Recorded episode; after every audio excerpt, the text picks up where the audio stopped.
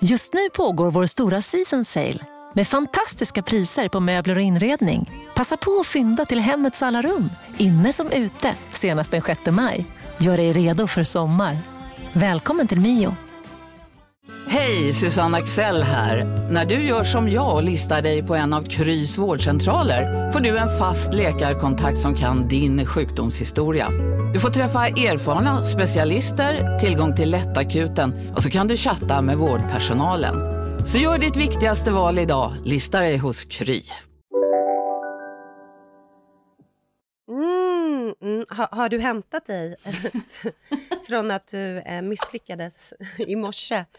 Men, hur ska det här gå, Från Jenny? mitt eh, kandelaber-shoppande. Nej men det här är Det här är faktiskt så sjukt.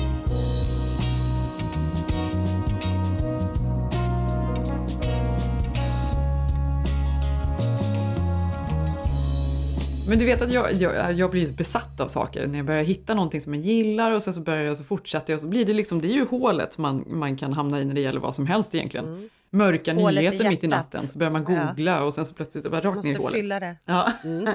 och nu då det senaste har det varit keramik och, och lergods och sånt där. Vaser. Men, men bara att du säger keramik, för att du sa ju till och med någonting i förbifarten nu. Vilken sajt var du inne på? Det är det sjukaste jag hört.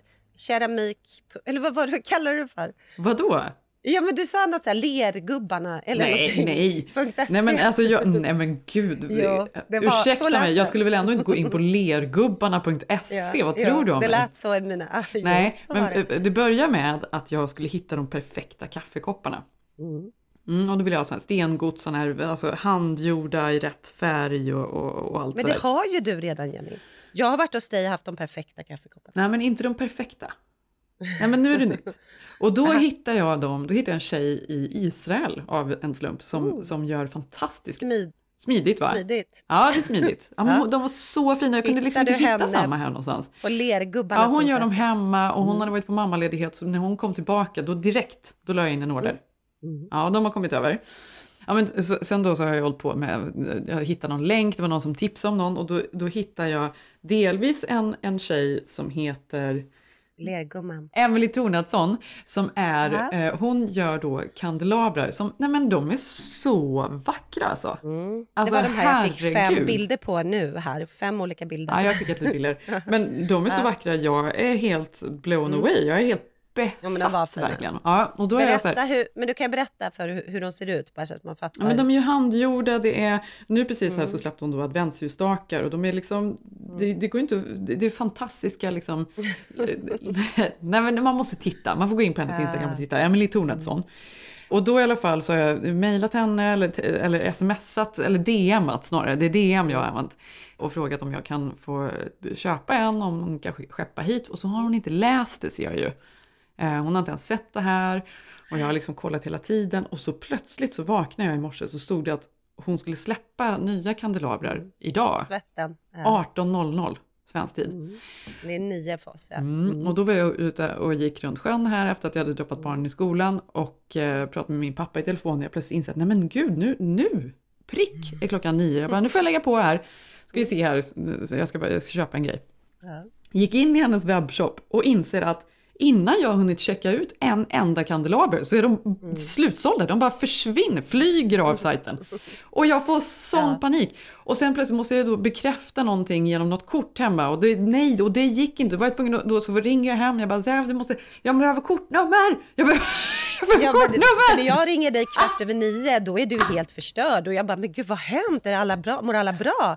Typ, jag förlorade aktionen. Ja, nej, men alltså, det, var- det var, ja. Men nu börjar jag känna, är det här en liveaktion? Att Ja, men nu att jag i alla fall, lyssna på det här nu jag så ska få en lägga ändå. vantarna. Jag lyckades lägga vantarna på där. Ja, det gjorde det. Gud vad skönt. Men så fantastiskt! Och det här, Mm, jag vet inte, jag är ju lite besatt av, det finns ju även, det finns ju en glaskonstnär som jag hade älskat att ha en vas ifrån, men de är ju extremt dyra, men det är liksom en dröm verkligen. Och det är ju Hanna Hansdotter, vet du vem hon är? Nej. Också en svensk tjej som gör glaskonst som är, alltså den är, de är helt otroliga hennes saker. Det är så vackra Men det är så roligt för att Sev är ju inte jätteförtjust. Jag hörde nu, han stör ju sig redan för det är ju väldigt kompatibelt i Silver Lake med eh, keramik och, eh, förlåt, glasblåsning, Kvin, nej men det är också så här, kvinnor och vaginor, allt det vi har Ja, pratat men om. vi, alltså, vi, har, vi skämtar ju så mycket om, om det här för att Zev är ju, pluggar ju liksom art på college och han är liksom, konst är ju hans Mm. stora liksom, passion i livet och han håller ju mycket på med fotokonst och sådär. Och det finns väl någon sorts, vi har ju skrattat mycket åt att de som liksom nu lyfter man fram, det är ju ingenting att skratta åt, det är ju helt fantastiskt, man lyfter fram kvinnor väldigt mycket, men han kan ju irritera sig på det här då. New York Times, det är ju bara så här, de senaste kvinnliga Ja. Konstnärerna och dessa verken och så här och det är bara liksom det perspektivet som lyfts fram för att det behövs för de har väl liksom inte synts Ja, ja, så mycket. ja. Mm. Men... För att det varit så ful konst. så, ring, så när jag ringde här och jag hade köpt den här då, kandelabern, jag bara så här, I love female driven arts. Nej, men alltså, han bara, jag måste lägga på nu. Jag bara, Nej, men Jo, han han, sa ju så här. Han Han sa ju så här. Let's light a candle for every... Vad var det? Penetration? Ja, men han, han sa? bara, gud. Han, han- men, det, men det här är ju liksom Silver Lake-fenomenet. Det här kan vi prata mer om. Om, om så här, kvinnor och liksom, när det nästan blir pastisch då. När, Ja, ja. Vet, han gör ju så mycket narr av det här så det finns inte.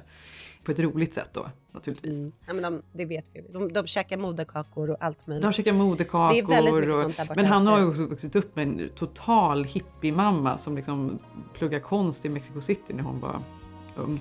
Samtidigt härligt för jag tänker här borta i Beverly Hills där hör man inte ens ordet vagina. Det vet ju du. Ja. Det hade ju varit för jäkligt.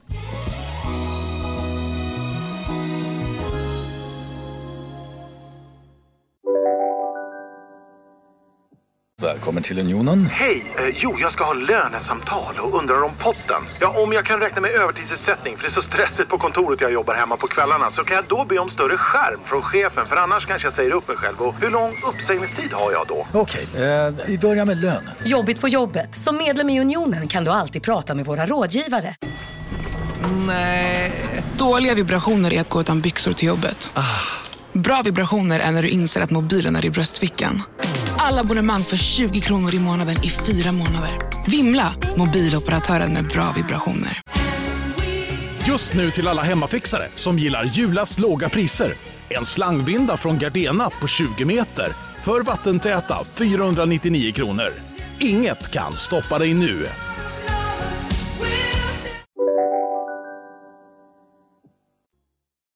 Ja, själv hörde du vad mer som hände i morse här. Jag, jag vaknade upp till nyheten att eh, Martin Björk eh, hade blivit eh, vad heter Nej, men Gud vad radioprofilen. roligt. Jag vaknade upp Ja. till nyheten av att Ja, Martin Björk... Ja. Ja. Jenny, du håller på och och är inne på lergubbar.nu. Jag var inne på Aftonbladet. du är där, jag är på Aftonbladet. Mm. För då är det ju, vaknar man upp här, då är klockan nio och då är klockan sex redan i Sverige. Då stod det ju att han hade blivit rånad i helgen. I eh, fredags så fick eh, polisen i Stockholm in ett larm om att flera personer tagit sig in i en lägenhet på Gärdet i Stockholm och hotat en familj med ett pistolliknande föremål. Under kvällen pågick en stor polisjakt, bland annat med helikopter. Och eh, nu går tv-profilen Martin Björk ut på Instagram och bekräftar att det var han och hans familj som utsattes för det väpnade rånet på Gärdet. Ja men alltså det är ju helt fruktansvärt. Alltså, Bo på Gärdet, någon hade kommit in och hans barn hade varit hemma. så tidigt, sju på kvällen. Tid, ja, men precis också gått in och så, sa, så stod det någon, eller sa någon polis i artikeln att, att det är jätteviktigt att låsa för att man eh, känner ju på dörrarna här och det har blivit allt vanligare att folk verkligen går in och gör väpnade rån in i lägenheter. Helt Eh, sjukt faktiskt. Mm, helt sjukt. Vilken jäkla chock alltså. Det där kommer man ju, det kommer ju ta, tag, ta ett tag och reparera sig ifrån.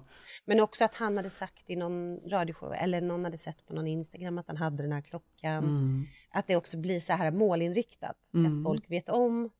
Samtidigt måste man ju säga, vi bor ju här i LA och här, här sker ju sånt hela tiden. Och det har väl skett i, i, i Sverige hela tiden också. Men att nu... Fast, ja, men Märks det här det pratar mer? vi väl om, om hela tiden, för jag pratar med min familj där hemma och det, liksom, det har blivit värre. Och, och jag tänker ofta på det, att att förr var det väl ändå när man öppnade Aftonbladet, DN, vad man nu läser, att det var liksom ganska spektakulärt när det var skottlossning och någonting hände. Och nu känns det ju som att det är betydligt mer frekvent, det händer liksom hela tiden. Mm. Men däremot så tror jag att det är liksom en felaktig bild som många har av att Sverige, nu, vet, nu förstår ni inte hur Ja, illa det är här. det. Att man ändå tänker att det är värre än vad det är någon annanstans. Men, men jag tror det är liksom fem gånger fler mord, fem gånger fler alltså, Såklart. brott överhuvudtaget som händer i USA. Det är ju extremt här. Men skillnaden är att här har, vi, här har folk aldrig gått runt och tänkt att de ska liksom vara säkra på kvällarna och inte behöva Nej. titta över axeln. Det är ju också fruktansvärt men, men det är ju verkligheten här. Men i Sverige när vi växte upp, då kände ju vi att vi kunde göra det. Däremot. Ja. Eller? Nej, men här lär man ju barn att du går inte hem, du kan bli rånad. Alltså den känslan har man kanske inte känt i innerstad Stockholm. Men samtidigt så är det så här att säga att nu har det börjat. Det blir också en, en eh, väldigt skev bild, även om det här såklart är fruktansvärt. Och jag kommer ju tänka på förra sommaren, då gick ju min son eh, hem en sommarnatt, eller sommarkväll. Ja, det här är faktiskt helt sjukt Ja, är helt Malin. Alltså så sjukt. vidrigt. Ja, men alltså, och klockan var väl sjutiden han hade varit och badat med sina kompisar, det var på sommaren. Eh, och de är liksom, var 15-16 års åldern. Och sen var de vid Stockholms universitet och satt på bussen. Och det var inte så många som var på den bussen vid sjutiden. Mm. Sjutiden Eh, också tidigt. Ja, 19.00 liksom. Eh, ett, och de skulle då hoppa vid Odenplan, men de hoppade på bussen där. Då sätter sig några killar bredvid dem och en av de där killarna, de var några år äldre, kanske 20-årsåldern, visar då eh, min son och hans kompis en kniv och sa så här, ni hoppar av på nästa hållplats. Så jävla obehagligt. Ja, det är Ehm, så sjukt ja. Malin alltså. och sen, så att våran son hade ju då, de, jag liksom var ju helt skakad såklart, hoppar av bussen och då går de här tre killarna efter eh, min son och hans två kompisar och sa ni ska gå upp här. Så de går ganska långt upp i skogen, i ett skogsområde där utanför Stockholms universitet. Mm. Och sen så säger de Så liksom, obehagligt så att det nästan är svårt att så här, föreställa sig. Alltså vad han kände och tänkte och vad ska hända. Och det här är ju så här, det här har man ju hört om ganska, ja men det verkar ju hända hela tiden. Alltså hela tiden, men det händer en hel del i alla fall. Ja men det händer och man tänker så här, det händer Helt inte här och sen, men det här händer ju för jättemånga folk som inte bor inne i stan också Ja. och deras barn hela tiden liksom. Men det var ju chockartat för sen var det liksom, hade de fått stå där i skogen i två timmar Jenny och de hade liksom varit hotfulla, hade visat den här kniven och sen hade det kommit någon joggare förbi och då var jag så här, men varför ropar ni inte på honom? Och då så sa Viggo då att nej men jag kände bara, jag vill bara göra exakt som de sa för att vi var så otro, alltså vi blev så jävla rädda såklart, man vet ju inte. Nej, det gör man inte. För vad gör man? Alltså ska man skrika och gorma och liksom inte gå av bussen? Ska, vad ska man be om hjälp? Vad händer då? Eller ska man bara göra exakt? För det är ju, ja. Nej, och där känner jag också att man har liksom så här barn och man själv har varit väldigt så här omedveten att det kan hända en själv. Så vi har ju inte förberett honom för en sån här situation. Som man vet att här i LA gör man ju det. Om det här händer gör ni så här. Sen kan man ju inte förutspå det såklart ändå och det är ju väldigt svårt att hamna i en sån situation. ja, eller framförallt det- så ger man väl kanske mer så här för att undvika att hamna i situationen kanske då. För vad Ja, ger man för råd ju när man liksom är i situationen? Ska, ja, nej men i alla fall det sjuka i det hela sen så tvingar de ju en av hans kompisar att sätta sig på bussen till Odenplan, ta ut pengar och en av de här rånarna sitter bakom honom liksom i tio minuter. Eh, och, de, och min son och de andra får vänta upp i skogen. Alltså det här var så jävla sjukt Jenny. Ja, det är så fruktansvärt Ja, och alltså. sen kommer de tillbaka och de visste ju inte när de kom tillbaka med honom, då hade han tagit ut pengar och då ljuger den här rånaren om för sina polare att han bara fick ut 5 000 fast han hade fått ut 12 000. Och Mm. då, då var han också det, liksom, Viggos kompis, ska han ljuga nu om att han tog emellan en summa här? Alltså, nej men du vet den här paniksituationen för unga liksom, killar som står där. Och sen samtidigt hade de sagt, de här killarna, men ni kommer ju få nya mobiltelefoner av era föräldrar imorgon, typ. Aha. Ja, och sen så efter det lämnade de där i skogen och de hade suttit liksom stilla en timme innan de ens vågade gå. Så inte från vid elva ringer de oss och liksom gråter och bara kom, kom liksom. De hade inga telefoner så de fått gått från universitetet endast Odenplan. De var så rädda så de hade inte stannat någon. För jag var så här, men gud varför stannar ni inte första bästa person? De bara, vi tänkte inte på det liksom. Ja, I total chock. Men hur, och hur var det efter det här? Liksom fick, de, fick de eh, gå och prata med någon? Eh, alltså, blev det mardrömmar efteråt? Alltså, för det är ju värsta traumat. Mm. Nej, det var, nej, det var så hemskt, men, men jag tror det jobbiga var att när vi då kom, eh, liksom, de här tre killarna, och vi föräldrar hade och vi åkte taxi, vi var i Enskede då och liksom, kastade oss i en bil, för vi har ju ingen bil i Stockholm, vi bor ju här i LA åkte då hem till en av de killarnas lägenheter och satt då och, med vår son och alla grät och jag grät för man visste ju inte liksom vad har hänt? Vad, liksom, de var ju helt skakade. Mm. Och sen så blev det ju tjafs mellan oss föräldrar för vi var ju så här, nu ringer vi polisen nu. Alltså du vet. Mm. Och vår, alla tre, eh, då Viggo och hans kompisar var ju så här, absolut inte, ni ringer inte någon. Ni, vi har lovat dem, de sa att de vet, de har tagit våra plånböcker, de vet vad vi heter och de liksom anmäler ni det här då, då jäklar typ liksom, då kommer vi, ja men typ hunt you down liksom. Ja. Och då kände jag mig som vuxen, jag kunde inte vara vuxen i den situationen för jag, för att jag liksom, jag ville bara att de inte skulle känna sig oroade, att de skulle känna sig safe. Så jag var så här, men då väntar vi med polisen lite grann. Medan någon annan förälder var så här, nej nu ringer vi nu och nej, men det blev riktigt sådär. Hetsigt. Nej, men vi har ja, satt i flera timmar den natten och bara pratade hur vi skulle göra. Men sen valde vi då att lyssna på killarna och inte anmäla det, vilket jag såklart känner är fruktansvärt och fel. Men just där och då, de var så skrämda liksom. Ja. Och är, så vi har faktiskt, vi anmälde alla det här, det här är ett år sedan. Och sen eh, några månader senare så kom Viggos telefon och plånbok upptömd såklart. Men hittades eh, på något, något annat, eh, några andra ungdomar som hade åkt fast. Så att det var konstigt nog fick han tillbaka sin telefon långt senare då. Ja. Eh, så att såklart, då hade de ju rånat andra personer. Och det känns ju också inte så här... Men, Ah, ja, det är super. så himla himla vidrigt. Men ja, alltså, och nu ska jag absolut inte dra några paralleller till något annat, men man var ju, alltid, man var ju ändå med om så här sjuka grejer när man var yngre. För jag kommer ihåg för mina bröder, det här kanske inte gäller all- alla liksom såklart, men Nej. jag minns att mina bröder, då gick man på krogen, vi bodde ju en bit utanför stan. Mm. Så när de hade varit på krogen och sådär, då tog de ju så här svarttaxi. Det här var ju pre-Uber, verkligen. Ja. Och det var någon gång, tax, de, taxin, eller den här svarttaxin hade frågat exakt hur långt det var och de hade sagt, vad det nu var, en och en halv mil typ. Mm. Men i slutändan så var det nog 1,7 typ. Men när han hade kört en och en halv så vägrade han köra längre och de skulle hoppa av. Och Klassiker. han tog fram ett järnrör och började slå dem. Men gud. Va? Ja, ja. Alltså, nu, jag minns Ja. bara att det, liksom, det hände, det hände ändå så saker. Ja, men det gjorde nog det, därför det blir så här, även om det, alltså så här, våldet kommer närmare, ja, kanske i innerstad Stockholm och man ser det. Jag säger inte att det inte är problematiskt. Jag, det har varit jättemycket skjutningar och det är fruktansvärda grejer som händer hela tiden. Mm. Och det är klart att det finns ett jättestort stor problematik, men det, jag tänker ju att det är också klasskillnader. Att redan, alltså för att det enda typ som Viggo också sa att de här killarna sagt, men ni kommer få nya telefoner direkt av era föräldrar. Mm. Och det fick de ju. Nej, men Mm. någonstans, det finns ju också ett sånt jävla eh, hat och misslyckande eh, från samhället för de här unga kidsen. De, här var ju inte så mycket äldre än min son. Mm. Jag säger inte att jag inte... Man är ju fruktansvärt upprörd och vill ju såklart på alla sätt och vis att de skulle åka dit. Men samtidigt känner man ju också man vill ju ge dem hjälp någonstans. Mm. Alltså, du vet. De, Det större, så att det större perspektivet. Det större perspektivet än, än Martin Björks Rolex-klocka. Mm. Samtidigt så, herregud, man kan ju inte blunda för det heller. Nej, det har ju blivit värre såklart. Det måste göras någonting åt. Men när jag var tonåring var jag ju med om att jag blev nedslagen en gång. Har vi pratat om det? Nej, vadå? Eh, men jag hade ju, så här, sjuan och åttan var ju så här, ganska jobbiga år för mig. Jag var ju ganska, jag var lite utanför, jag var retad, jag hade, jag var inte riktigt som alla andra. Du var emo. Jag ska...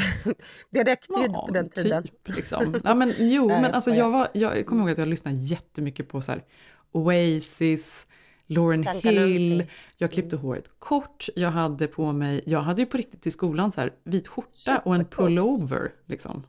Alltså jag hade så här, en helt annan stil än alla Men det är andra. modigt. Det gillar man ju. Ja, men jag var liksom, och, låg jämt Shoppade på lergubbarna. Nej men alltså jag var, You are so weird. jag var nog liksom lite annorlunda tror jag. Och så var jag nog lite moody, alltså jag var ju det. Hur som helst så, så var jag väl lite utanför och det var en tjej speciellt som var ganska taskig mot mig alltid. Jag var alltid rädd, kommer jag ihåg, när man skulle gå till idrottshallen som låg i en separat byggnad. Eh, för då var man tvungen att gå förbi rökrutan och där hängde ju de där kidsen. Nej. Och hon skulle alltid ropa grejer efter mig och sådär. Hon och hennes vänner. Och sen en gång så var det disco. Och nu ska vi se, jag måste väl gått till sjuan då. Eh, och det var stort disco och då kommer jag ihåg att hon kom fram till mig på kvällen och sa hon så här, men du, eh, jag vill prata med dig. Och jag var nja, men ja, jag kände att det här var nog ingen bra idé. Men vad ska jag göra? Hon bara, är du rädd eller? Jag bara, ja, nej, ja, nej det är jag inte, men ja, okej, vi kan prata. Och så gick vi ut från dansgolvet och så gick vi till där garderoben var. Så här, här kan vi väl prata. Och hon bara, nej, det är inte bra här. Vi måste gå hela vägen ut. Jaha, men kan vi inte prata här? Hon bara, men sluta nu typ. Nej. Ja, så vi gick ut, så gick vi utanför diskot och så ställde vi oss på ena sidan och hon tände en cigg och så stod hon där och, och tittade på mig och rökte och så sa hon bara, "Jaha, men du, eh, du snackar skit om mig.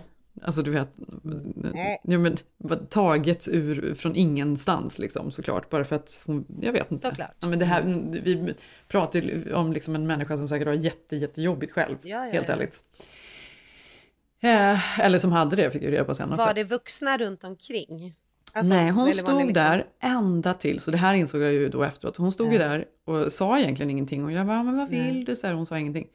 Ända tills det inte var någon som var där längre. För då lutar hon sig fram, tar tag i Mm. min tröja som drar ut den och så slänger hon cigaretten som brinner innanför. Så att jag får ju den innanför bhn och när jag väl liksom lyckas få ut Men den, slut. när jag väl lyckas få ut den och tittar upp, då bara klipper hon till mig i ansiktet så jag bara faller till marken. Men Jenny. Och sen så går de väl därifrån. Och jag går ju runt, jag fick ju en blåtira av det där, jag var helt svart i ansiktet. Och jag går runt och fick tag i någon Alltså, vakt där. Nej, men, och jag Ja. polisanmälde ju henne till slut. För att när jag åkte hem och mina föräldrar fick reda på det här, då var det så här, vi är absolut polisanmälare. Så det var ju rättegång och alltihop. Nej. Och, och hon... Ni drog det hela vägen? Vi drog det hela vägen. Och jag minns Men att de... fan vad psycho. Ja men så psycho. Nej. Eh, och då kom vi dit i alla fall. Och det, jag vet, kommer inte ihåg hur länge det pågick. Det var nog Nej. bara en dag eller två kanske. Rättegången var. Och då minns jag att i slutet av rättegången då läste de ju upp hennes register. Vad hon har gjort tidigare. Och det var ju liksom. Ja men så här, en riktigt. Ja, men en tonåring som har hamnat jävligt snett liksom. Ja. Säkert någon sorglig historia bakom det där. Men hon blev fälld i alla fall. Jag hade aldrig begärt något skadestånd av någon anledning. Jag bara, jag vill bara att hon ska sluta. Fy Nej, men alltså. gumman, ja men det, Ja. man är ju så utsatt. Ja. Och också den åldern. Men vad bra, för jag menar du hade lika väl kunnat gått hem och inte sagt något. Ja, det hade ju varit, det var ju ganska uppenbart dock. Ja, fast jag, jag tänker bara på det här med Viggo och hans kompisar. Det var en av de killarna som har sagt att vi berättar inte det här för våra föräldrar. Jaha. Och då, då blev jag ju helt, fa- typ för han var helt liksom så jäkla rädd för de sa ju det, ni berättar inte det för någon. Alltså Ja. att man kan ju liksom bli, Men det är ju det som jag tänker på och jag har tänkt på, jag läste någonting eh, i veckan om hur man ska prata Mm. med sina barn om andra saker. Om, eh, ja, men då handlar det väl specifikt om sociala medier och så vidare. Att, att man Mm. hela tiden alltid ska ha en så öppen konversation om vad de ser där och vad har hänt, typ precis som man frågar om skolan, så här, vad har hänt på internet idag? och, att man, och att man när de berättar någonting inte ska straffa. Att om någon, någon Nej, skulle ha skickat man- något fel eller gjort något dumt, att något har hänt. Att man inte tar telefonen eller vad det nu är ifrån dem. Utan att man pratar om det. För då, om man gör det så vågar de ju sen inte dela eh, vad de hittar. För då vet de att det kommer med liksom ett straff. Nej men gud jag, jag tänkte på det nu när, när eh, min enda son här hemma hade, han berättade att de hade en, en gruppchatt och så sa han att men det var så hemskt för det var två som blev, de bad dem gå ur gruppen. Jag bara, men gud, varför det? Nej, jag vet inte riktigt varför, men det var lite så här, men kan inte ni gå ur gruppen? Alltså de hade börjat typ, kanske åtta personer som var två som skulle lämna. Och då sa jag så här, men det var ju inte så snällt. Men alltså, du vet att man utsätts för sådana, man är i skolan och så kommer man hem och så, så sker Ja, en så sån grej. det, ja, nu exakt. var det ju inte min son som var utesluten i den gruppen, men ändå, förstår du? Från något Ja. sms, du ska ur den här gruppen. Nej, men så man känner att det är ju hela tiden för kidsen, de får ju ingen, de får Mm. ingen ro. Och särskilt för folk som då kanske är retade alltså vi, det går knappt att prata om det här för jag får sån jävla Jag ångest alltså. Men det är ju det, men det är därför Jag lovar det, om någon, det. eh, Ta- Tage hade playdate igår hos Ja. en kompis. Och han hade sett så mycket fram emot den här för det är hans bästa kompis i skolan och de har inte lekt Mm. tillsammans innan. Och det här låg en bit bort, låg i Gill Rock. Och eh, Zev körde dit honom. Ambitiöst. Zev körde dit honom och sen så skulle jag åka och hämta honom. Och när jag kommer och hämtar honom så börjar han, så börjar, han gråta i bilen direkt. För då hade den här pojken, de hade, ju de hade ju lekt och så hade det blivit intensivt. Jag förstår ju hur det här har hänt. och eh, någon hade slagit den andra för hårt med någon grej de hade lekt med. Mm. Och då hade han vänt sig till Tage och sagt att jag vill inte vara din kompis längre. Jag vill inte att du ska vara här. Nej, nej. Ja, och det här är ju så här, sexåringar, Tage har nog aldrig hört det. här innan. Men, men Mm. jag förstår ju känslan av att han är hemma hos en kompis, han känner sig ut, liksom lite utlämnad och ensam. Och så säger hans kompis att han inte vill vara kompis med honom längre, så sitter han där. Mm. Sen har de blivit kompisar och allt var bra. Men Tage var så ledsen och du vet man bara, jävla unge, jävla unge! Nej men det vet jag, det var ju, nej. Man blir ju det, men det var ju som jag berättade förra veckan om den här mamman i klassen som tycker eh, Ja. min dotter var utagerande för att hon har, ja men typ, lyssnat på Billie. Eilish för att de är så här superreligiösa. Ja, så I- sjukt. Ja, så sjukt. Strumming my pain with his fingers, singing my life with his words, killing me softly with his song, killing me softly. I veckan då, eh, så i, ja exakt en vecka sedan blir det nu, så rakt över gatan, huset rakt över gatan, blev rånat. Mm. Och det här är ju grannen som... era grannar eller? Ja, våra grannar. Men vi har ju lite, vi, det här är ju grannarna som vi tycker är lite sådär. De är ju lite speciella. Hon hälsar sällan och allt vad det nu är. Men de har liksom börjat närma sig oss lite mer och mer och sådär. Kommer och knackar på och lämnar paket och pratar och du vet. Fick ju en jätteful tavla av dem till barnens rum. Som de skrev någon lång lapp på. Så här, jättegulligt av dem. Hur som helst. De hade varit borta på eftermiddagen och när han kommer hem då är klockan 19.00. Då är hela huset liksom upp och nervänt och han inser att de har haft inbrott. Så han kommer över till oss, för vi har ju kameror utanför vårt hus. Ah, ja, Ja, så då ville han ju se det, vem som hade tagit sig in, om vi hade fått sett bilen och allt möjligt. Och det hade vi ju faktiskt. Han satt ju här i timmar och tittade igenom detta. Men du skämtar? Nej. Och det kom ju fram att fyra minuter innan han kommer hem, fyra minuter innan, då lämnar de. Så det var ju precis att de inte... Ja. Och här har de ju möttes. vapen. Alltså det är ju liksom... Ja men alltså, det, är- ja exakt. För, för tänk vad Alltså, som hade hänt. Jag bara, vilken ja, tur. Han bara, ja eller? Eller? Jag bara, väldigt tur att du inte var hemma. Kom hem. Ja. Och han bara, ja men jag, det gick inte att se registreringsskylten på den här. Um, och man förstår att han är ju så uppjagad så senare på kvällen, nej Men vad hade dagen de snott då? efter. Vad hade de stulit? Så, allt möjligt? De hade bara gått in och... De hade stulit allt möjligt, de hade stulit Mm. smycken framförallt tydligen. Han sa att de hade inte så mycket hemma så det var inte liksom det, men att någon har varit i ens hem. Men han var ju rolig för att han, eller rolig, men han var så jävla arg. Han hade så här, jag ska ta honom. Man bara, hur, jaha, okej. Så när vi kommer hem, från, jag har hämtat barnen från skolan dagen efter, då är det, jag tror att han nästan står inne i fönstret och tittar för Men att det se om ju det så kommer någon sjukt, för förbi. det är det jag menar, det är sån dude-reaktion. Ja, eller hur? Alltså hade Visst jag blivit inbrott då hade jag bara, men gud vi måste ha mer larm och kameror. Så, så skulle jag aldrig bara, nästa gång ska vi ta dem. Nej, han ska ta honom. Vi kör ett... Så när jag och barnen kommer gåendes hem från skolan dagen efter, då kommer han utspringandes, för han har väl stått där innan, innanför dörren och tryckt och väntat. Eh, ja, kom han ut barfota trauma. och bara, jag såg, jag fick eh, bild på bilen, jag har ju bild på bilen. Jag bara, "Jaha." Han bara, vad är det här för bil? Jag bara, mm. Jag bara, det ser ut som en Subaru, helt ärligt. Ja, och så Tage står där och säger, han bara, det är en bad man car. Jag bara, det är det ju verkligen inte, det är väldigt Silver Lake. Ja. Jag bara, jag bara, det verkar Ja. konstigt att de skulle det är, men han ser ju inte registreringsskylten och då sa jag, men det finns ju säkert något annat hus här som har kameror. Ska du inte kolla liksom med dem då? Du har ju tiden nu, så du vet ju när den kom.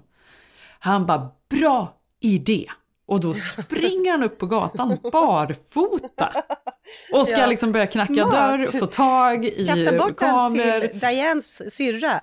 Ja. Men hur obehagligt är det här? Och det Ja. här pågår ju hela tiden. De liksom går ju runt i husen och bara känner på dörrarna överallt. Ja men så är det ju, våld finns ju överallt, även i Stockholms innerstad. Ja, Mm. det är fruktansvärt, Mm. men det är ju fruktansvärt vad det än är.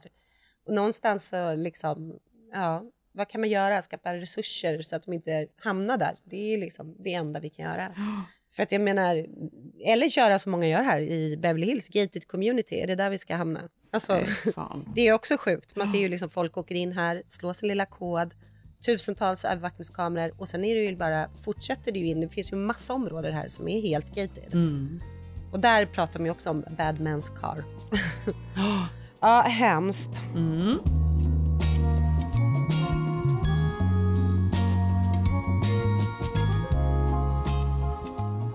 Själv när du var inne och shoppade eh, dina ljusstakar så, och jag hade läst det här hemska på Aftonbladet och, så eh, satte jag på amerikansk morgon-tv som är alltid mysigt att kolla på. Men då slukades jag upp i den här eh, storyn, Jenny. Du har säkert också sett den, för den har varit all over nu. Det har ju blivit allt vanligare med insemination och liksom fertilitetsklinikerna svämmar ju över och det finns ju massa olika sätt att få barn på idag. Vilket såklart är bra, men då sitter det ett par i morgonsoffan och berättar, alltså fruktansvärd historia. Då har de försökt, de har en liten dotter på fem år och sen har de under några år försökt att bli gravida igen och inte kunnat, så att då har de fått hjälp liksom med befruktningen. Så det är hennes ägg och hennes mans spermier då. Och eh, inseminerat sig för att få ett syskon då. Eller mamman blev inseminerad. Hade en härlig graviditet och den här lilla dottern föddes och allt var liksom frid och fröjd. Och det hade funkat jättebra, de var så nöjda med hela processen och allting. Sen när bebisen är någon månad, då börjar pappan liksom känna att, men gud, den är så mörka färger, för de här var verkligen lintottar. Alltså du vet, nästan inga ögonbryn. De var så ljus familj. Och den här då lilla dottern man får se i bild är ju mycket mörkare liksom, i sina färger. Så pappan börjar liksom avskärma sig lite och börja tänka att nej, men min fru har ju typ varit otrogen. Det här är så hemskt liksom. Så det blir lite så dålig stämning mellan dem och mamman i sin tur går och känner att "Åh, jag älskar, alltså det är någonting som inte stämmer men jag vet inte vad. Gud vad hon är olik oss. Men de pratar inte med varandra. Men det här berättar de liksom i studion då. Att de går runt och känner det här. Sen när dottern fyller, eller firar sin fyra månaders dag, då börjar de en kväll bara prata om det här och skojar att men hon är verkligen inte lik oss. Liksom. Och så skojar de och sen så börjar de bli så här, men hon är verkligen inte lik oss. Nej men Jenny, det här är så hemskt. Då tar de ett prov och inser då att det här är inte deras biologiska dotter, utan fertilitetskliniken har blandat ihop deras då befruktade eh, prov då med en annan familj som också är inne i samma process. Så att mamman har liksom blivit, hon har då blivit inseminerad med eh, en annan kvinna och mans. Och de har fått hennes Ja. då? Eller deras? Och deras dotter har blivit inseminerad av en annan mamma i Kalifornien. Instead of breastfeeding my own child, I breastfed and bonded with a child I was later forced to give away. Alltså förstår du? Nej men Jenny, det är som att du nu fick höra att Maj är inte din. Ah. Alltså förstår du? Och även om du så här liksom, nej men hon är inte din. Alltså efter, man är ju attached, de ja, är ju men då vårt är det ju min. Ja. Om du fick höra vi imorgon, nej men Maj är inte eran. Ja. Det blir fel. På BB. Alltså vad gör man? Och hon sa ju så här, "Mm, stora systern älskar ju den här dottern, alltså det, det är ju vår familj, alltså det är vårt barn. Ja. Samtidigt då paniken när man då inser, för det, det här visste ju inte de då, för då tänkte de, då är vårt prov kvar på sjukhuset, det riktiga provet liksom. Mm. Nej, det är någon annan. Då, nej, då har en annan mamma en vecka efter blivit inseminerad. Och då kommer en annan mamma in i studion. Förstår du? Då har då, hon varit gravid med deras barn och hon har varit gravid med hennes barn. Och de är i en likadan, lika förkrossad situation. Förstår du? Så de sitter liksom då med vars en bebis som de har känt som uppfostrat som sin. Hon har gått en hel graviditet. Men Hon har gud ammat det här barnet. Ja, men och för vad, och vad, för vad är då, hur ska de göra nu då? Vad gör man? Nej men först då sa de, nej men det var ju, det, var ju panik, alltså jag vill inte ge bort det här. Samtidigt så liksom, hur mår mitt riktiga barn? Hur har, hur har hennes graviditet varit? Ja, för det Och känner ju liksom, också. Ja. Ja men du vet bara paniken över att inte liksom funnits där och missat hela, nej men du vet de sa ju det, de var så fucked up för nu har det ju gått typ ett år. Mm. Nej, det, det, men det värsta, jag satt och bara försökte, jag kunde inte slita mig, du vet. Så skulle vi podda nu så jag vill ju se, jag ska se klart det här sen. Ja, du har inte sett Men- klart, du vet inte hur det slutar. Nej, men det är all over här idag. Så alla, du måste gå in och kolla, läsa det sen. Mm. Men det jag förstod var i alla fall att de på något sätt de bytte tillbaka. Alltså typ, hon fick ge bort sin bebis och få sin riktiga dotter och vice versa.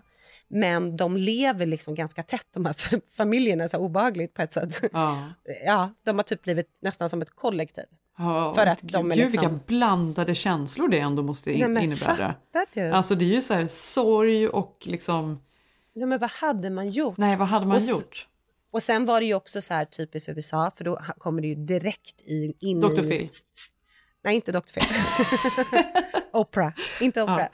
Nej, men det kommer direkt in i det juridiska såklart, haveriet. Att vem Ja. ska stämma vem och, för, och då var det också, det var någon som uttalade sig att idag så har inte fertilitetsklinikerna, det är så jäkla många som använder sig av det eh, idag, den tekniken, så att det, det finns inga eh, reglering, alltså det är jätteslarvigt, det här kan hända igen. Det är typ mardröm. Men gud vad sjukt. Ja. Vad hade du gjort om någon knackade på dörren? Nej det är så sjukt alltså. Nej men jag hade bara, nej vad fan hade man gjort? Jag har ingen aning. Hade man kunnat starta om, alltså, eller hade man bara, nej jag behåller det här, det här är mitt barn nu. Nej, men Jag om man vet att ens det, det, biologiska skulle finnas någon annanstans, nej men det hade, det hade ju Men du typ hade väl behållit. Majsan? Nej, men sluta nu Malin, det här är ju min Nej, förlåt, bebis, lägg av! Förlåt, Gud, nu gick jag över gränsen. det gjorde jag faktiskt. Förlåt, kalla in Dr. Phil. Men du, vet du att jag tänkte på det här, för jag hörde en så sjuk historia för många, många år sedan, alltså folk jag känner, vänner till mig. Mm. Eller vi jobbade tillsammans, han var ju mycket äldre än vad jag var, men vi jobbade tillsammans så jag känner honom. Han gick igenom en så uppslitande skilsmässa. De bodde ja, en bit utanför det här kustsamhället där Mm. vi bodde. Han och hans familj och de hade väl haft lite slitningar eh, ganska länge. De hade två barn tillsammans. Jag försöker komma ihåg exakt hur det var nu. Och de var väl liksom tonåringar tror jag, när de väl liksom separerade. Det funkar inte. Han jobbar konstiga timmar, han var inte hemma så mycket och jag tror att han... Ja, det, det, var, det var olyckligt, så de separerade. Och när de separerade så var det ju någon då, för det här hade varit ett skämt i så många år. Men som också han hade skrattat åt. Åt att barnen ser ju exakt ut som grannarna. Alltså s- exakt, exakt ut som grannen. Och han träffar väl någon ny tror jag. Eller på något sätt, jag vet inte hur. Han fick reda på att han inte kunde få barn i alla fall. Jag vet inte hur det var. Och de separerade, eller de hade separerat. Han fick reda på att han inte kunde få barn. Han går tillbaka och ställer frun mot väggen och frågar hur fan har det här gått till? Och hon bekräftar hade- att det är grannens barn. Alltså på riktigt Malin har det här hänt för att jag känner de här människorna. Ja men det, det är jättevanligt Jenny. Nej därför det är man- det ju absolut Jo. inte. Nej men det är 30 inte procent, jo, Nej. jag kan säga, jo, 30 statistiskt- procent? Vad är det här för Jo. statistik? På vad? Det här är jätte, jätte, jätte trovärdig statistik.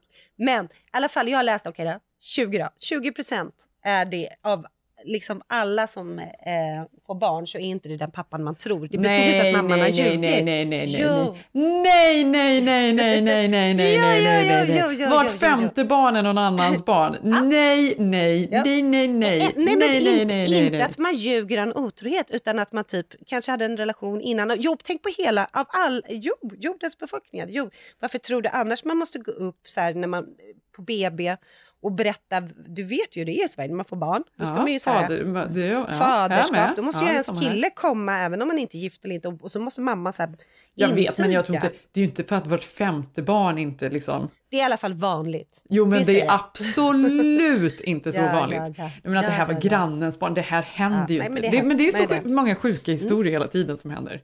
Okej, vänta, vänta, vänta, nu ska jag vänta, ge mig en minut. Jag måste faktiskt googla där. Jag vet att det är skithögt. Nej, det är det inte Jo, jag ska googla det. Jo. Åh, vilka dumheter. En, vänta. Vänta lite. Aha, nej, fan, jag hade fel. Jo, men exakt, det är därför du borde En vanlig föreställning är att 10% av alla barn har en annan, annan biologisk Och du- pappa. och du påstod Den verkliga 20%. si- Den verkliga siffran ligger på... Okej, jag, jag ger mig. Vad är jag ger mig. Vad är den? Nej, jag kommer inte säga den siffran. Den var mycket lägre. Nej, men nu säger du Malin, säg. säg. Okej, 1,7 Jaha. procent.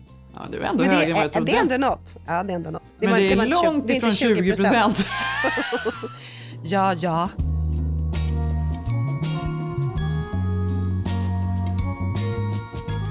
Ja, men på tal då om eh, grannar och historier och eh, allt vad det nu är så hade vi ju födelsedagskalas i helgen.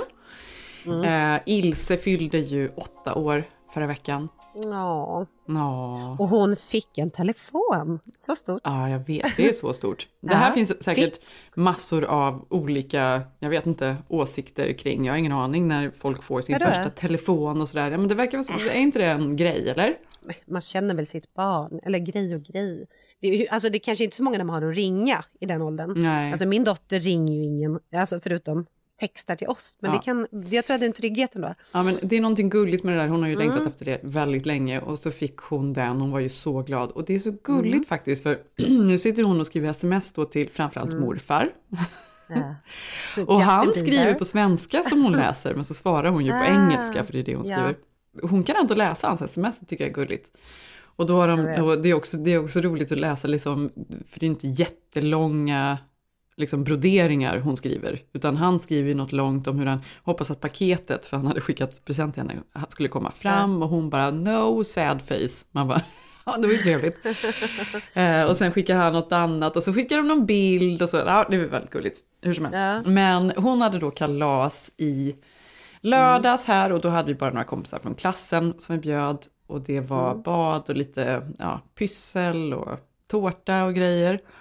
Det tyckte jag var otroligt. Kan du inte berätta vad det var för pyssel? För det är ju väldigt amerikanskt och härligt. Ja, att här kan man beställa en sån här tjänst att folk hjälper en att pyssla så det blir riktigt bra pyssel. Ja, nej men vi... Alltså istället för typ göra liksom någon lek eller någonting annat. Jag tycker det är en väldigt bra idé. ja, men alltså, Alltså det är kul. Ja, men det är härligt.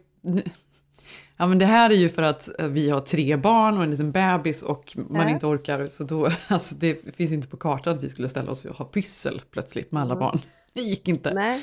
Så Nej. därför hade vi, det finns ju någon, eh, en firma som vi har använt någon gång innan som man kan, som gör olika aktiviteter. De kan liksom eh, göra Ja. så här olika små shower för barnen och sjunga och hålla på. Nu då så var det ju pyssel och då fick de ju göra ja, men allt från små glittertatueringar till ehm, att de får göra sina egna eh, gosedjur och klä på och du vet, och hålla på med olika grejer. Ja, men de, är ju så, de gör ju det fullt ut. Mm. Alltså det här är ju verkligen en birthday-trend här. Ja, men nu var ju inte så stort kalas, det var ju liksom, det var otroligt mysigt och lugnt. Det var så här, tack vare att vi gjorde det så blev det ju liksom ingen stress, för då hade vi redan aktiviteter, så vissa, de flesta föräldrarna, de droppade ju bara av sina barn, det var sex barn som var här. Men så var det ett par föräldrar som stannade kvar, då tänkte jag verkligen på det att det är ändå så här, man vet aldrig vem man ska liksom stöta på eller vad man ska höra för Nej. historier. För då var det ett par då ehm, som har... Nej, det är inga tråkisar. Det är inga alltså, det är tråkisar. alltid något. Som har en är dotter som brukade gå i. Ilses klass, nu går de i en parallellklass. Det är ju två mammor då och den ena mamman är då lite hemmamamma kan man säga och den andra eh, mamman är ju super liksom eh, verkligen ja, men karriärist kan man säga. Hon Mm. kämpar på och jobbar och har sig. Och den andra mamman är ju eh, karriärist och har, hon var väl någon vd då för en så här stor eh, hälsokedja, eh, eh, lunchkedja ett, ett tag. Och nu har hon tydligen bytt jobb så nu jobbar hon då åker hon varje måndag upp till norra, norra Kalifornien för att hon är vd för ett eh, något sorts weed-företag då som gör några Ja, just det, produkter. det här är weedmamman. Ja, det här är weedmamman. Och så kommer hon hem då på helgerna och så är hon liksom... Jobbat hårt i Men förstår du, förstår du hur Silver Lake det är? Alltså hela, Ja. hela de och deras liksom, familj, Ja. allting är ju det. Nej, men, men det stora att det är Silver Lake är också att när hon säger det så är det ingen som höjer på, alltså jaha, okej, good for you, how's business? Alltså, Nej. det är ingen Nej, grej det- att hon nej, åker ja. upp och Så det är de och de är jättegulliga, Ja. verkligen supertrevliga. Och sen så var det ett annat par då där ehm, pappan, han jobbar ju då med att lajva saker. Det här pratar ju du om för övrigt, du och jag om för övrigt, att det här Mm. var, att vi kanske är gamla som inte fattar att det kanske är det nya coola att lajva. Ja, men det är det. Ja, men jag tror att det är det. Att det är. Mm. Ja, ja. Men vi, jag tror att han stöter på det här hela tiden, att folk inte riktigt förstår för att han... Ja, men för vi tänker medeltidsvecka. Ja, och det här tänker ju... Han vet att alla tänker det, så så han liksom får alltid Ja. ursäkta och så här. Och nu då satt vi och pratade om det här på riktigt och han bara, men det är, nej, det är ju liksom... Nej, jag bara, men hur tjänar man pengar på det här? Och han bara, nej men alltså... Men för att han jobbade som det? Ja, Det visste jag inte. nej men så varje vecka så lajvar han. Och då gör han det liksom online och så, får, så prenumererar man och tittar på det här. Och jag bara, ja men okej, och hur många är det som prenumererar? Han bara, nej men en och en halv miljon har vi nu som tittar varje vecka. Oj, aha, okej. Ja, men det här är ju en karriär såklart. Ja, Mm. såklart. Okej. Och så berättade han något som var så roligt. Jo, vi så började vi prata om, om Jeff Bezos, som jag vet inte om du följde det i förra veckan. Hans tjej eller fru på röda Mm, mattan Leo. blev helt besatt av Leonardo DiCaprio. Och liksom, det, det var ju så lustigt och hon, liksom, hon bara lös, hela hennes ansikte lyste Nej, hon var mot Leo. Hon var så, ja, hon var så. Det var så obehagligt. Ja. Ja. Och efter det här då så skulle då Jeff vara lite rolig så då hade han ju lagt ut en bild på, om det var Twitter eller Instagram, när han är typ på Hawaii eller något sånt där och så sitter han precis eh, vid en skylt som står så här watch out eh, cliff eller något sånt där att det är farligt, man, man kan liksom trilla rakt ner. Och så skriver han bara Hey, what's up Leo? Come, I wanna show you something over here.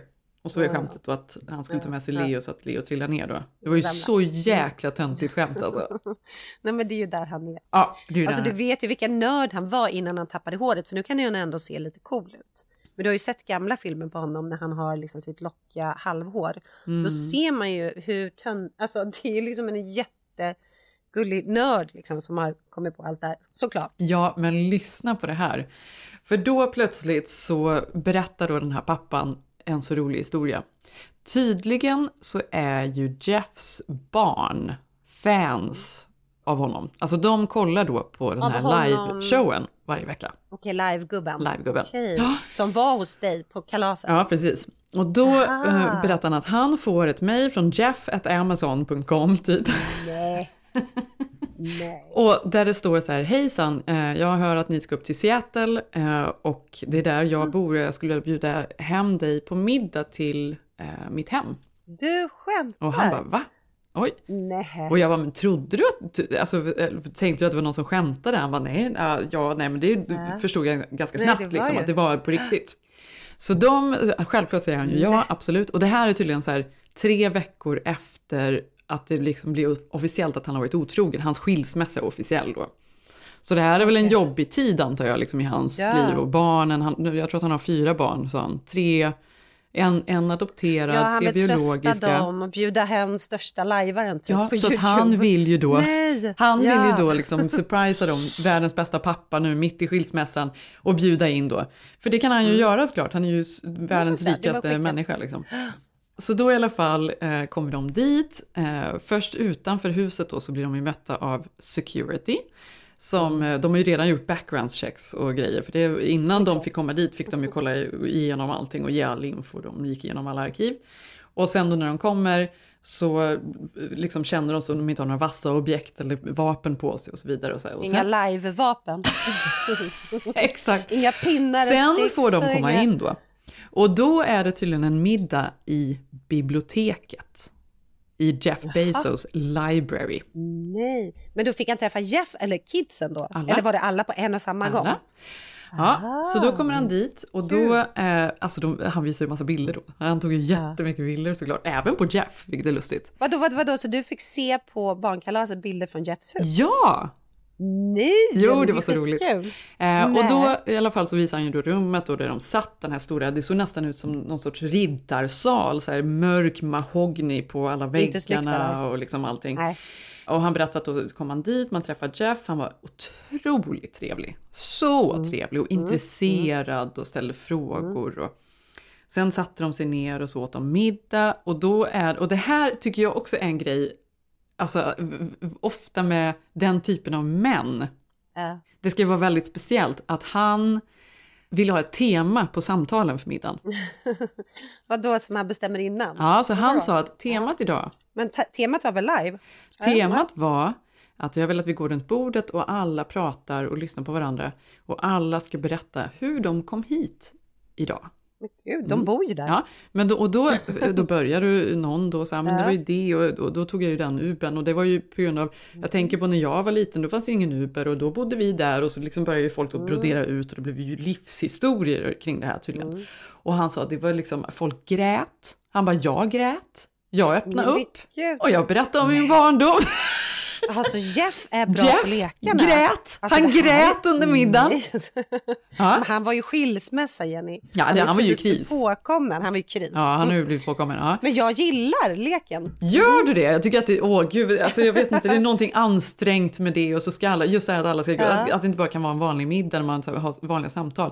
Allt ska vara, Mm. han är så uttråkad, det är väl det. Det är uttråkade människor som håller på på det sättet, man måste liksom hela tiden Nej, toppa. inte bara Jenny. Jag kan också tycka en så här härlig middagslek kan pigga Ja, det kan göra, men du förstår Ja. vad jag menar. Det är ändå Mm. så här, ja, verkligen, lite på slutet när man har liksom avhandlat det mest liksom, grundläggande på något sätt. Men nej, nej det här var, det var hela temat.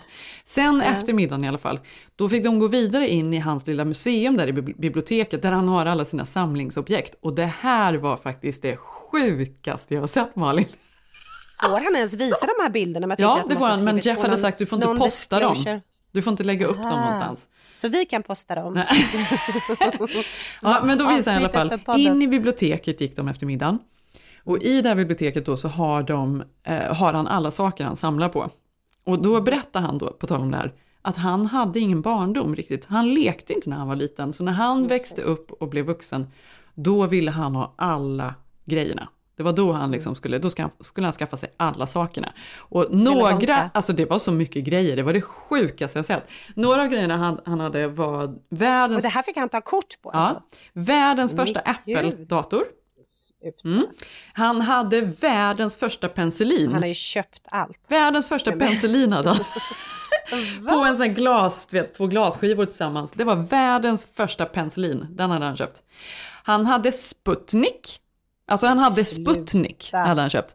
Han Sluta. hade R2D2 från första Star Wars-filmen. Han hade alla svärden från, eh, från eh, Hobbit-filmerna. Nej, men, ja. Var det inget kul? Vad skulle du ha köpt? Han har ju all, alla pengar i världen, men då borde han ha någonting. Alltså man skulle ju inte samla på det första penicillinet kanske. Ja, men han ville ha alla. Han hade Emilia. Earharts, eh, de här flygglasögonen, de hade han köpt. Han hade, du, du vet det var det sjukaste jag sett, det fanns ingenting han inte hade. Och sen då så hade han delat in det här, för då stod, det var bild på honom då, då stod han framför han har tydligen en eh, öppen brasa som det står eh, imagination på tror jag det var. Och sen har han en öppen brasa där det står Nej, det var en som det stod Dreamers och en som det stod in, eh, fasen var det, inte Inventor, men det var liksom dröm och forskare typ. Det var två olika grejer och där hade han då delat upp eh, hela sitt bibliotek och alla samlingarna mellan de här två. Alltså de som har drömt saker och de som då har liksom Ja, en ta, fått ihop grejer, för det är hans två intressen då. Men får jag säga en sak? Tänk att han har alla de här sakerna men ändå är det Leo hans tjej vill ha. Ja, exakt. Ja, det är väl det man kan... Det är så vi kan sy ihop historien helt enkelt. Det är ändå Leo man vill ha. Penicillinet, det slår inte ens det.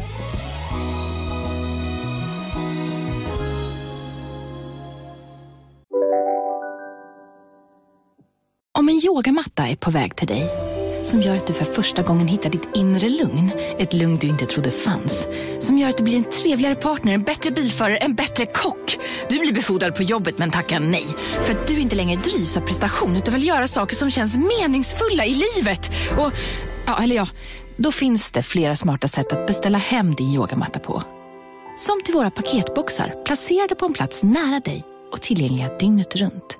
Hälsningar Postnord. Känner du igen en riktigt smart deal när du hör den? Fyra säckar plantjord för 100 kronor. Byggmax. Var smart. Handla billigt. Ja, Hallå? Pizzeria Grandiosa? Jag vill ha en Grandiosa capriciosa och en pepperoni. haha, något mer? Med kaffefilter. Ja, Okej, ses samma.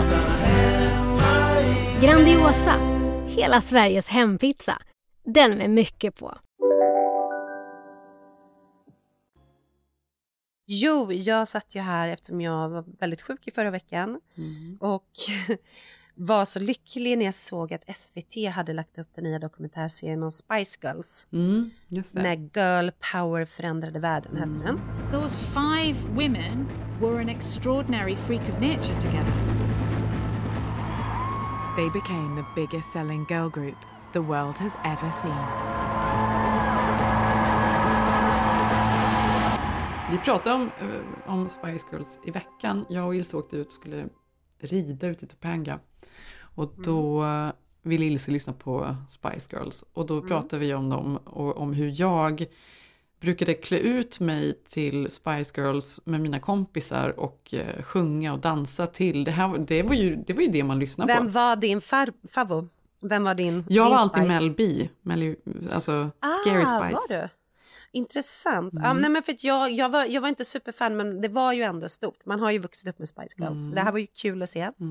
Och samtidigt som du säger, alltså, min dotter lyssnar ju. Hon sätter ju på Wannabe säkert några gånger i veckan. Mm. Den sjungs ju. Den kan ju alla fortfarande.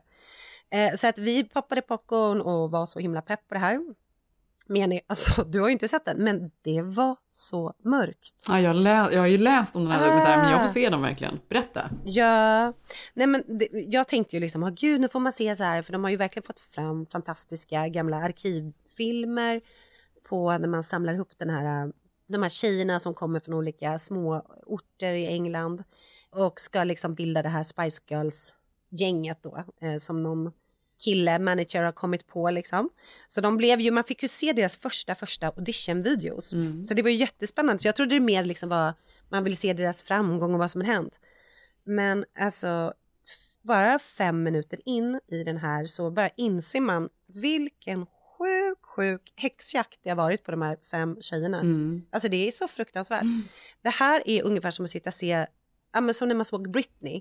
Mm. Och så tänkte jag på det liksom att exakt så här var det ju med alla våra idoler, eller inte idoler, men de vi växte upp med. Ja. För att hela Alla skulle 90-talet försöka ta ner dem på något sätt. Det var liksom inte riktig girl power. Och vem var taskig och vem var si och vem var Ja, så. Och vem var oskuld det. egentligen. Och, alltså det var Ja. så sjuka grejer som skulle Det spekuleras var i. så sjukt Jenny. Så att i tre timmar, alltså efter typ en halvtimme, jag var så här, men ehm, till min dotter bara, men du kanske vill se något annat för det här var ju bara så, det var så mörkt. Mm. Men alltså bara man insåg att det här växte ju vi upp med Jenny. Mm. Alltså 90-talets sexism, för att man förstod ju inte heller, så man tänkte ju bara att de var så här, girl power, första gången man typ hörde det ordet. Mm. Man kunde ju ingenting om feminism. Mm. Alla, alltså jag menar alla killar som intervjuade i den här serien, alltså Mm. låtskribenter, regissörer, eh, filmfotografer, allt, allt, koreografer, alla var ju bara män som de Mm. här då tjejerna hade att ty sig till. Mm. Och herregud, alltså det var liksom, jag skämdes så mycket att jag inte insåg det eller kunde ha förmågan att förstå hur sjukt det har varit. Liksom. Men det, var, men det var ju som att alla i hela världen levde i någon konstig psykos. För jag tänker på, Ja. alltså när man eh, tänker på, eh, vad heter hon som intervjuade Britney Spears den gången och liksom skulle ställa henne mot väggen om huruvida hon var oskuld Ja. eller inte och så vidare. Alltså, Ja. man, alltså det var ju, I'm just wondering um, how you feel about all the constant speculation about your virginity and whether you are a virgin or not. I really wish I would have never said anything to begin with because I'm kind of stuck in this little place where people are always asking me. But, um, you know, that's just something that's part of growing up and that's just something that we all have to deal with. So, Have there been any changes on that front? that's a personal question.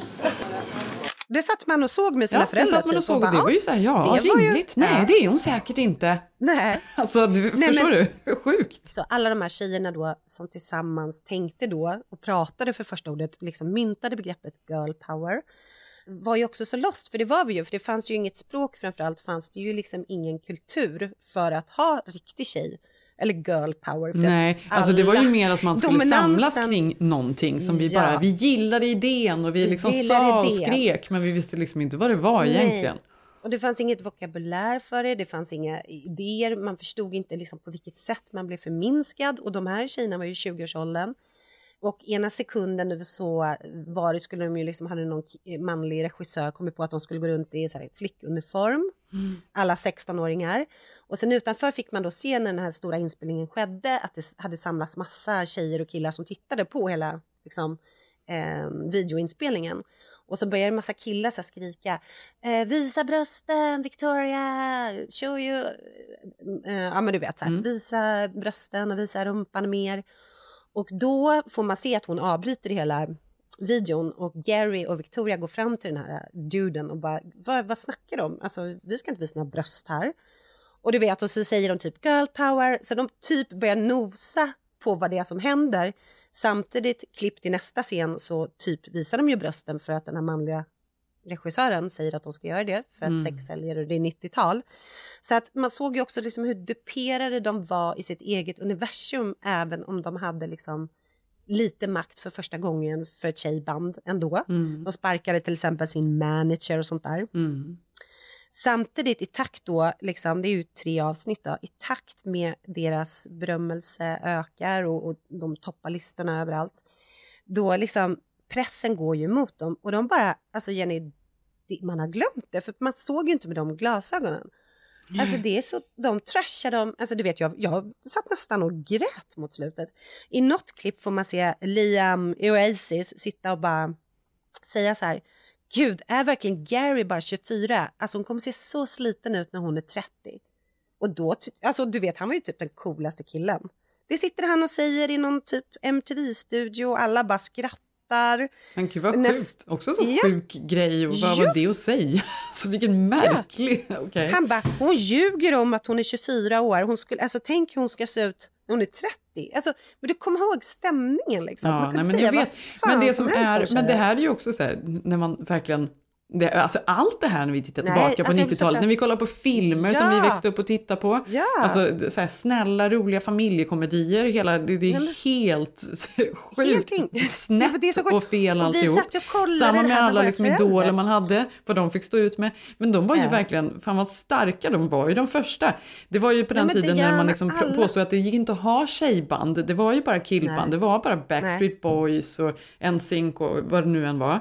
Take That var det väl? Ja, ja, Så exakt. det fanns en inte den liksom, konstellationen av tjejer, så det var ju det första och det var ju supercoolt. Men tänk vad jobbigt att vara den första. Nej, men och också de här intervjuerna, hur man då, då liksom Oasis, vad de får för frågor. Det här är ju en gammal såklart klassiker för oss som liksom eh, tiden har gått och man är upplyst. Men Mm. girl power, du förstår ju att de ville på något sätt få in sin girl power, men det var så, alltså det var så obehagligt. Mm. Till exempel då fick man då se en liten scen när Victoria då kommer in i och blir castad då till bandet Beckham. Mm. Och då läser, då har de hittat de här gamla papperna hur de bedömde henne. Och då var det någon kille som hade typ sexighet, snygghet, likability, eh, sångröst var ju längst ner, de fyra sakerna. Mm. Och sen så läser han upp och då bad journalisten så här, men kan du inte läsa vad du skrev om Victoria när hon kom in i rummet då? Då hade han skrivit typ sexa på utseende eh, och sen hade inom parentes, she, she got bad skin. Alltså du vet, det här var liksom deras rankningspapper. Alltså Ja. en professionell redaktion. Eh, Nej men det var så mycket. Sen fortsatte det.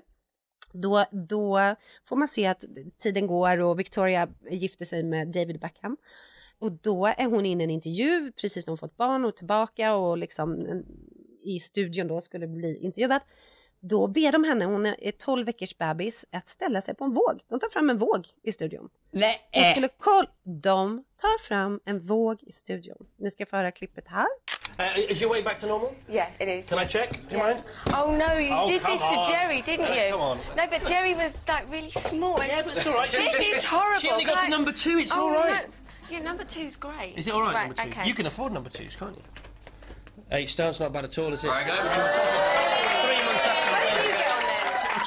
Ja, för då ska man se eh, huruvida hon äter tillräckligt mycket och hur mycket hon har gått ner. Nej men, det, nej, men det är så mörkt, Jenny. Det här är inte jättelänge sen. Nej, det är det Alltså, här- verkligen inte. Det här har vi sett Alltså jag tänker tecken på. verkligen, jag Jag gillar förstår, ju jag verkligen tycker så så. Beckham känns ju ganska, jag, jag gillar ju dem, de verkar så jäkla härliga och kul Nej, jag ihop och de har sina fyra det. barn och det är liksom en familj, jag älskar det. Men tänk vad jobbigt hon har haft det, för det var också att hon, hon blev ju beskylld för så många grejer i den här gruppen. Mm. Hon var ju den sura och hon var bitchy och hon var ditten och datten och sen då var han ju otrogen då med deras barnflicka.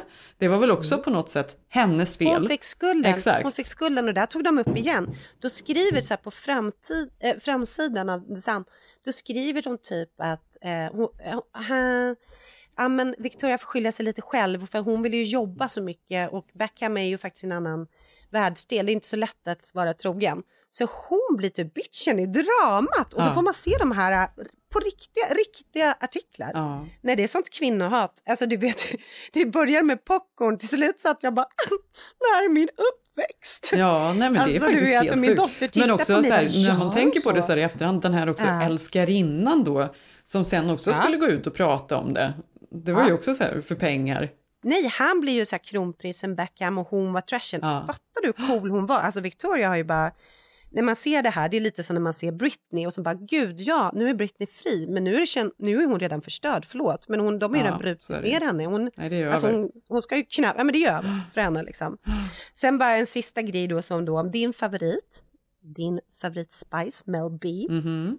Nej men alltså, Mel B var ju en av de första liksom, eh, mörkhyade tjejerna som ens visades upp i ett band. Fanns ju inte, så hon fick ju enormt mycket rasistiska hatbrev. Mm. De var på henne hela tiden och det fick man också se. Alltså, liksom, gud vad väntat. Det är så här, om man också hatar Ja. kvinnor då är, det, då är Ja. man ju också en dålig dubbelt. jävla rasistmänniska Ja. också. alltså, Och då var det så fruktansvärt för då blev hon liksom misshandlad av sin pojkvän som blev ihop med någon kille där och folk liksom tycker typ att hon rör till det för att han misshandlar henne. Alltså typ Ja. att hon är rörig och sen blir hon kär i Eddie Murphy och hon berättar hur kära de var och de beslutade att skaffa barn. Hon får ett barn och är jätteglad. När hon är typ en åttonde månad då går han ut i en intervju och säger att nej, nej, alltså jag vill inte ha något barn. Det där är inte, jag är inte pappa till det där barnet. Va? Alltså, och förtalar det? henne. Ja, Jag alltså, det här är så vidrigt. Han verkar ju Nej, Jenny. så otroligt galen dock. Alltså, nu, Ja, jag såg en annan barn. intervju med honom. Han har ju jättemånga barn. Också. Ja, han, han har typ sju barn, så det är väl mycket mer troligt att det är han som har rört ihop det. Ja, men vad var, hur procentuellt, vad har vi Malin? Det är Du menar ju att det var en på fem. det var 20 procent. Ja. Men i alla fall, och, vet, men då, och det här har man också missat för då har man typ läst det där som att hon var rörig, skaffa Ja. barn och gud vad hon håller på. Nej, nu när man såg det nu, alltså Jenny hon har varit med om värsta sjuka grejerna. Hon fick nästan flytta från England för hon blev så hatad och, och till slut så tog hon in då, du vet den här feministikonen som är fantastiska advokaten Gloria Allred. Du Ja, vet. just det. Mm. Hon Som man älskar. i alla. Ja. Mm, för det finns ju typ en, hon tar ju bara så högprofilerade fall. Och då får ju honom, ja bara, nej men gud, det här var visst planerat. Hon pratar ut sen eh, i en tv-show och visar då att han visst var pappan och att hon, det här är bara förtal. Ja men du vet, allt de har kämpat för de här tjejerna, till slut splittras de ju för att de inte pallar, de börjar bråka med varandra för de blir så hatade av pressen. Ja. Nej men det här var så sad Jenny. Ja. och då blir det också, för det blir ju ännu en grej då. Alltså kvinnor, de kan inte jobba ihop och de kan inte vara tillsammans Nej. för de ska Kvinn- bara börja tjafsa med varandra. tiden. Så är det. Man kan inte bara Ja, och vara när ska ni kvinnor. splittras? Ja. Och då bara tänker jag alla de här liksom som vi växte upp med, men du Mm. vet Paris Hilton, Britney Spears, alltså alla, Jessica Simpson, alla liksom blivit Janet Jackson hånade liksom Mm. tills de typ mer eller mindre inte pallar mer och lägger av. Mm. Ja, så det var min girl power kväll jag hade. Den, den kan man se, jag tycker man verkligen ska se den. Kanske inte med sina barn, tyvärr, inte än. Nej, den, man vill faktiskt, på riktigt vill man ju inte att de ska inse att det här är verkligheten på ett tag. Man vill ju vänta med det. Eller hur? Mm. Ja, men in, så. Eh, Jenny, då får du, eh, för att vi ändå vill hedra våra kära Spice Girls. Ja! Du får avsluta med en låt, men Ja. först vill jag bara säga en hälsning. Jag lovade, vi har ju många kära lyssnare som hör av sig och det var en tjej som bor här faktiskt i Los Angeles vars underbart gulliga norska man skrev till mig att de ville att vi skulle gratta hans tjej Therese Smaberg som Mhm. lyssnar på varje avsnitt av Keeping Up och älskar den och vi har tagit henne igenom pandemin. Ja. Men han var så gullig och fin den här killen som skrev att vi skulle ge en hälsning. Så till Therese Ja, som bor i. Palo Alto, grattis! Grattis! Ja, och vi, Grattis, alltså det är väldigt eh, gulligt och kul. Alltså man får ju så mycket meddelanden. Jag försöker läsa alla och svara på så många jag kan, men det är inte alltid jag hinner. Men det är väldigt, väldigt kul att höra från alla som lyssnar och vad de gör när de lyssnar på podden. Det är också roligt att också höra deras historier av saker vi har pratat om. Ja, här kommer nu, ska vi köra Wannabe eller vilken kör vi? Ja. I tell you what I want, what I really, really want. Vi ses nästa vecka, tack att ni lyssnar. Eh, Jag heter Malin Eklund. Jag heter Jenny Hall och vi heter Keeping Up Jenny Malin. Puss puss! Det gör vi. Puss puss!